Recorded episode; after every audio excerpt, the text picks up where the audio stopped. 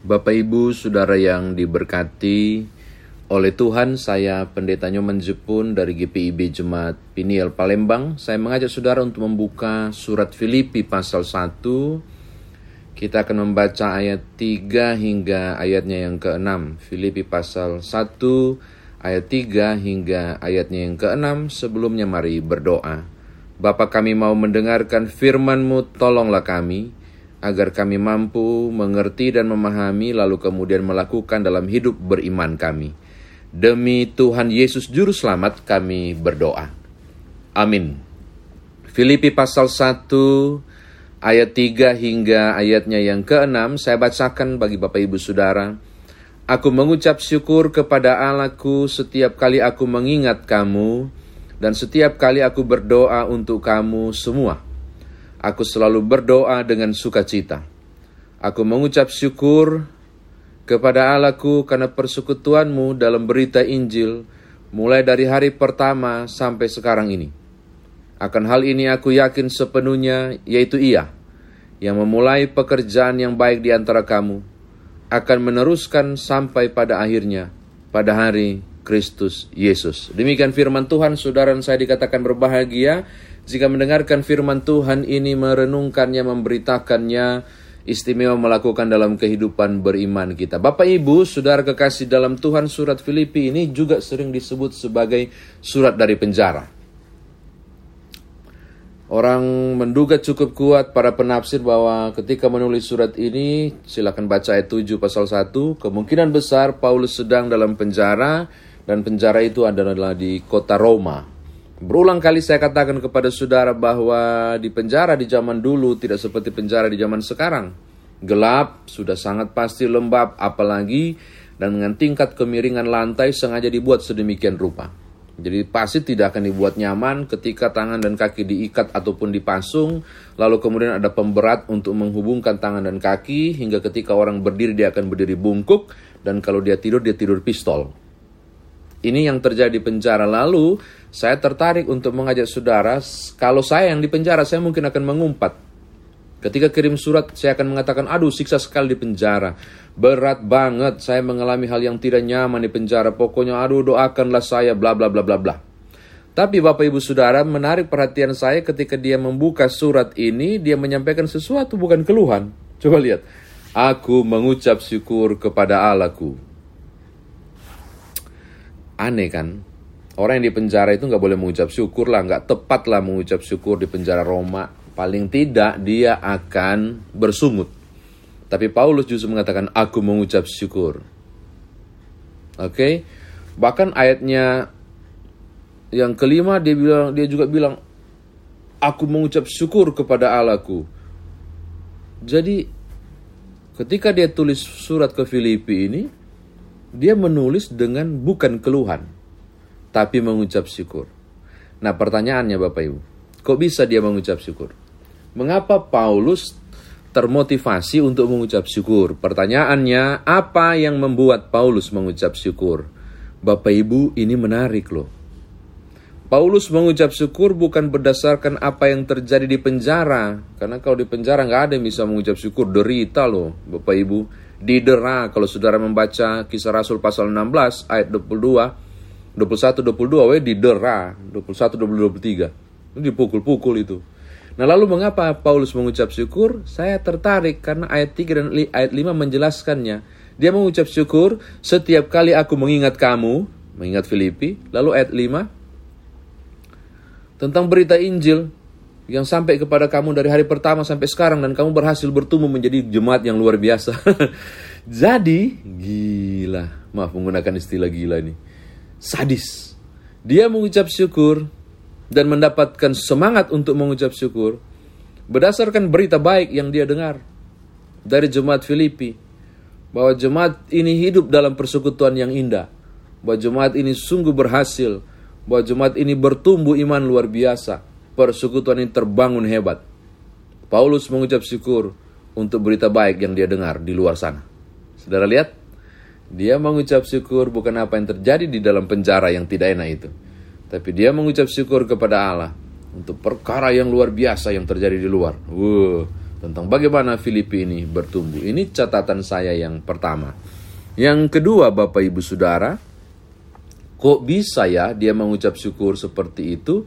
Ternyata ada tiga prinsip yang dibangun oleh Paulus. Kalau kita membaca ayat yang ke-6, lihat ya, Bapak Ibu ada tiga hal yang dibuat oleh Paulus dalam prinsip hidupnya ketika melayani sehingga dia mampu mengucap syukur di tengah kondisi sulit sekalipun dan menjadi rasul yang besar. Lihat ayat yang ke-6. Akan hal ini aku yakin sepenuhnya yaitu ia yang memulai pekerjaan yang baik di antara kamu akan meneruskannya sampai pada akhirnya pada hari Kristus Tuhan. Kristus Yesus. Jadi ketika baca ini saya menemukan tiga hal penting. Yang pertama, akan hal ini aku yakin sepenuhnya yaitu ia yang memulai pekerjaan. Catatan pertama, mengapa Paulus begitu sukses menjadi seorang rasul dan bertahan di tengah penderitaan bahkan mampu mengucap syukur di suasana yang tidak nyaman? Hal pertama, Paulus mengatakan pekerjaan ini bukan pekerjaannya. Pekerjaannya dimulai oleh Tuhan. Kalau saudara mengecek kisah para rasul, saudara akan tahu proses penginjilan di Filipi. Oh, itu dimulai dengan seorang kepala penjara, bukan, seorang perempuan bernama Lydia pen, pen, penjual kain ungu yang dimenangkan diikuti oleh kepala penjara di Filipi. Tapi untuk berjumpa dengan kepala penjara Filipi dan memenangkan jiwanya, dia mereka berdua dengan Silas harus dimasukkan dalam penjara dan diderita, derita. Habis itu mereka wah luar biasa memberitakan Injil dan banyak orang dimenangkan. Kalau saudara baca kisah Rasul pasal 6, 16 itu, wah betapa luar biasa Filipi bertumbuh. Lalu tiba-tiba dia bilang, bukan saya. Tapi Tuhanlah yang memulai segala sesuatu. Nyata-nyatanya memang Paulus. Tapi Paulus mengembalikan itu jadi kemuliaan. Bukan saya yang bekerja. Tapi Tuhanlah yang memulai pekerjaan ini. Dia nggak bicara tentang dia yang berjasa. Saya mau bilang, hati-hati Bapak Ibu, dia tidak bicara tentang dia yang berjasa. Tapi dia bicara tentang kemuliaan Allah. Tuhanlah yang berperan, Tuhan yang melakukan segala sesuatu. Berapa banyak orang yang bicara tentang kalau bukan saya, kalau bukan karena kekuatanku, kalau bukan karena duitku, gereja ini bla bla bla. Berapa banyak dari orang yang mengatakan kalau bukan saya punya kebijakan, kalau bukan saya yang pimpin, kalau bukan saya yang bla bla bla. Paulus bilang, Tuhan yang memulai, bukan aku. Padahal nyata-nyatanya tercatat dalam sejarah melalui kitab kisah para rasul. Pauluslah yang bekerja. Sudah lihat? Oh, betapa dia sangat rendah hati dan punya dan tahu diri siapa yang mesti ditinggikan. Bukan aku, tapi Tuhan. Yang kedua, tolong lihat. Yang memulai pekerjaan yang baik di antara kamu, lihat ayat 6. Ia yang memulai pekerjaan yang baik di antara kamu, garis bawahi kata baik. Siapa bilang ini baik? Ini bukan hal baik. Kenyataannya aku di penjara. Coba lihat, saya lagi nulis ini, kaki saya lagi dipasung. Saya lagi nulis ini, lagi ada pemberat batu yang besar di tanganku saya lagi nulis ini dengan tingkat kemiringan lantai ini loh. Saya lagi tulis dan saya siksa, tidak ada yang baik. Dan asal kau tahu, waktu saya penginjilan di Filipi, asal kau tahu, kami di penjara dan didera dengan silas. Siksa loh, tidak ada yang baik. Harusnya itu yang dia tulis. Harusnya. Tapi tidak Bapak Ibu, dia tidak bicara soal penjara yang siksa. Dia tidak bicara soal penderitaannya ketika menginjili Filipi. Tapi dia bicara tentang Filipi yang grow up, grow up, yang bertumbuh luar biasa. Lalu dia mengatakan apa pun yang dialami dalam kesulitan dia nggak abaikan. Dia abaikan, dia abaikan. Dan dia bilang pekerjaan yang baik. Tidak ada yang baik kalau masuk penjara. Tidak ada. Tapi enggak dia tetap bilang pekerjaan yang baik. Tuhan memulai pekerjaan yang baik. Padahal nyatanya Paulus mengalami banyak ketidakbaikan dalam hidupnya. Tapi dia bilang pekerjaan yang baik dari Tuhan. Saudara tangkap maksud saya?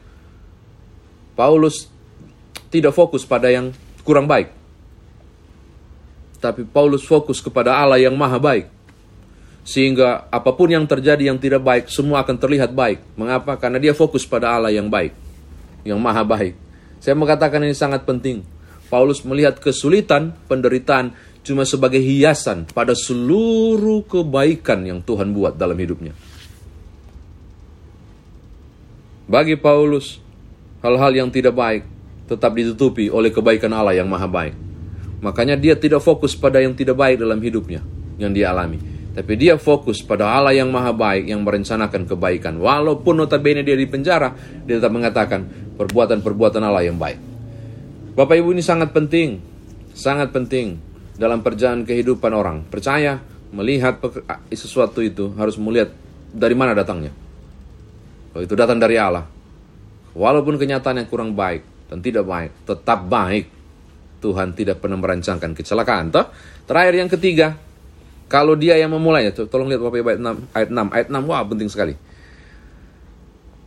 Ia yang memulai pekerjaan yang baik di antara kamu akan meneruskannya sampai pada akhirnya pada hari Kristus Yesus. Apa yang saya katakan ini penting sekali. Hal ketiga, hal ketiga pemahaman cara cara Paulus melayani dan cara dia berpikir dan bertindak sampai dia mampu mengucap syukur di kondisi sulit. Dia masuk pada pemahaman ketiga. Kalau Tuhan mulai, maka Tuhan akan meneruskan hingga akhir. Kalau Allah yang mulai, maka Allah akan meneruskan hingga akhir. Oh, ini sangat penting. Berita ini mau sampaikan kepada saudara dan menjadi kekuatan bagi Paulus bahwa kalau Tuhan yang memulai saya ditempatkan di Filipi, maka apa pun yang terjadi Filipi akan berkembang. Itu pemikirannya. Maka ketika dia melihat Filipi berkembang luar biasa dan dia sedang ada di penjara waktu itu dia bilang, "Nah, betul kan?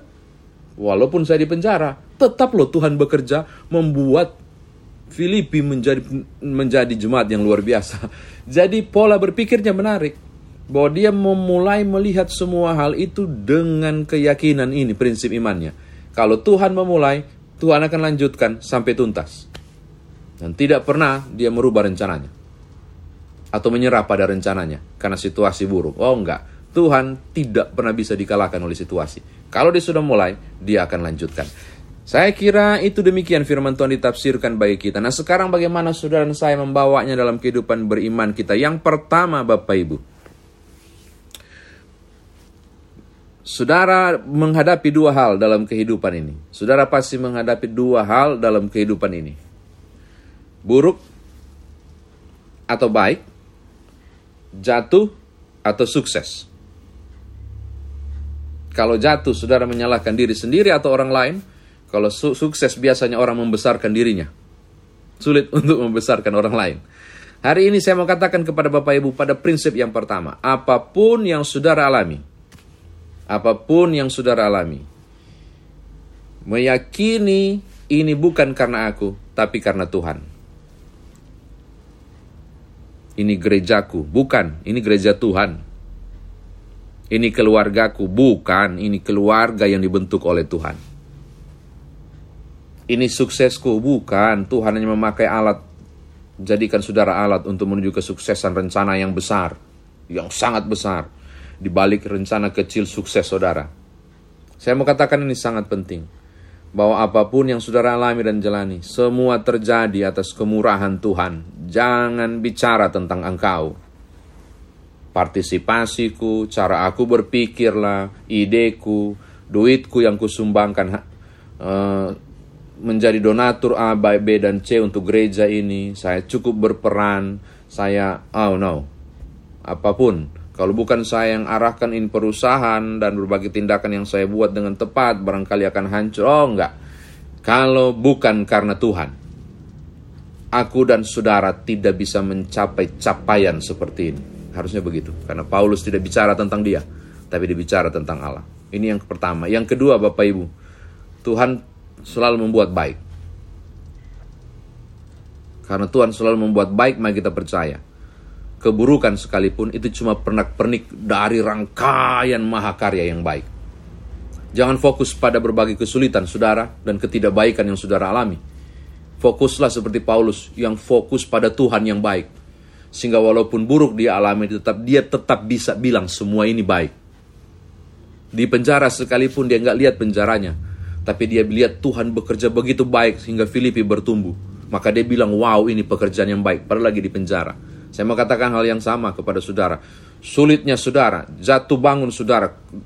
Persoalan demi persoalan menimpa hidup saudara. Engkau harus punya keyakinan. Fokus saya bukan pada keburukan. Tapi fokus saya pada Tuhan yang maha baik. Maka kalaupun saya mengalami ketidakbaikan, Allah yang maha baik itu yang kuingat. Dan akan kukatakan dengan iman, apa pun yang terjadi, selalu baik. Karena Tuhan tidak pernah merancangkan apa pun yang buruk. Kan rancanganmu bukan rancanganku, kata Tuhan. Dan itu sesuatu yang benar dan alkitabiah.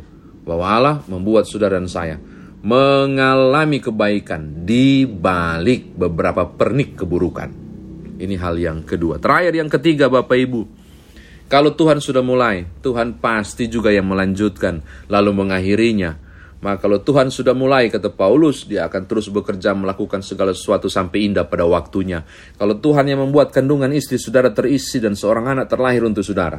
Kalau Tuhan yang membuat bahwa ada seorang anak lahir di rumah tangga saudara, maka Tuhan yang akan membuat masa depannya ada dalam hidup saudara. Kalau Tuhan yang memulai saudara mendapatkan hikmat untuk merintis usaha dan pekerjaan saudara, maka Tuhan akan lanjutkan saudara untuk bertumbuh dan bertumbuh hingga kemudian saudara akan melihat pekerjaan-pekerjaan ajaib yang Tuhan nyatakan melalui mekanisme kerja, perusahaan, dan berbagai hal bisnis yang saudara buat. Yang saya mau katakan kepada Bapak Ibu, kalau Tuhan sudah mulai, oh tidak ada situasi dan keadaan termasuk pandemi ini yang mampu mengagalkannya. Kalaupun gagal itu berarti saudara berhenti berupaya bersama Tuhan. Tuhan tidak pernah berhenti melakukannya. Sangat penting kalau Tuhan memulai, Tuhan akan lanjutkan maka saya juga mengatakan hal yang sama. Serumit apa pun persoalan ini. Rumah tangga saudara, persekutuan, gereja Tuhan.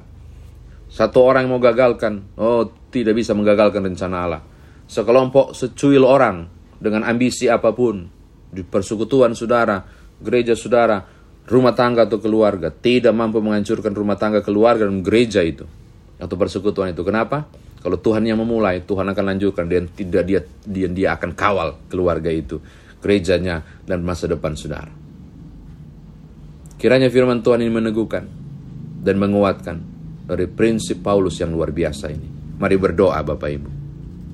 Bapak kami bersyukur firman Tuhan yang meneguhkan dan menguatkan kami. Tolonglah kami untuk berjalan di dalam kehendak Tuhan melalui firman Tuhan ini. Biarlah apa yang kami alami dan jalani kami mampu mengucap syukur karena kami tahu Tuhan memulai, pasti Tuhan akan melanjutkan. Karena kami tahu bukan kami, tapi Tuhan yang mengerjakan hal-hal yang besar dan baik dalam hidup kami. Lalu kami mengerti, kami memahami dalam kehidupan ini, apa pun yang menimpa hidup kami. Engkau lebih besar dari berbagai keburukan sekalipun yang kami alami. Terima kasih Bapak terpujilah namamu. Ini sukacita dan doa kami atas firman ini. Demi Tuhan Yesus Juru Selamat kami berdoa. Haleluya. Amin.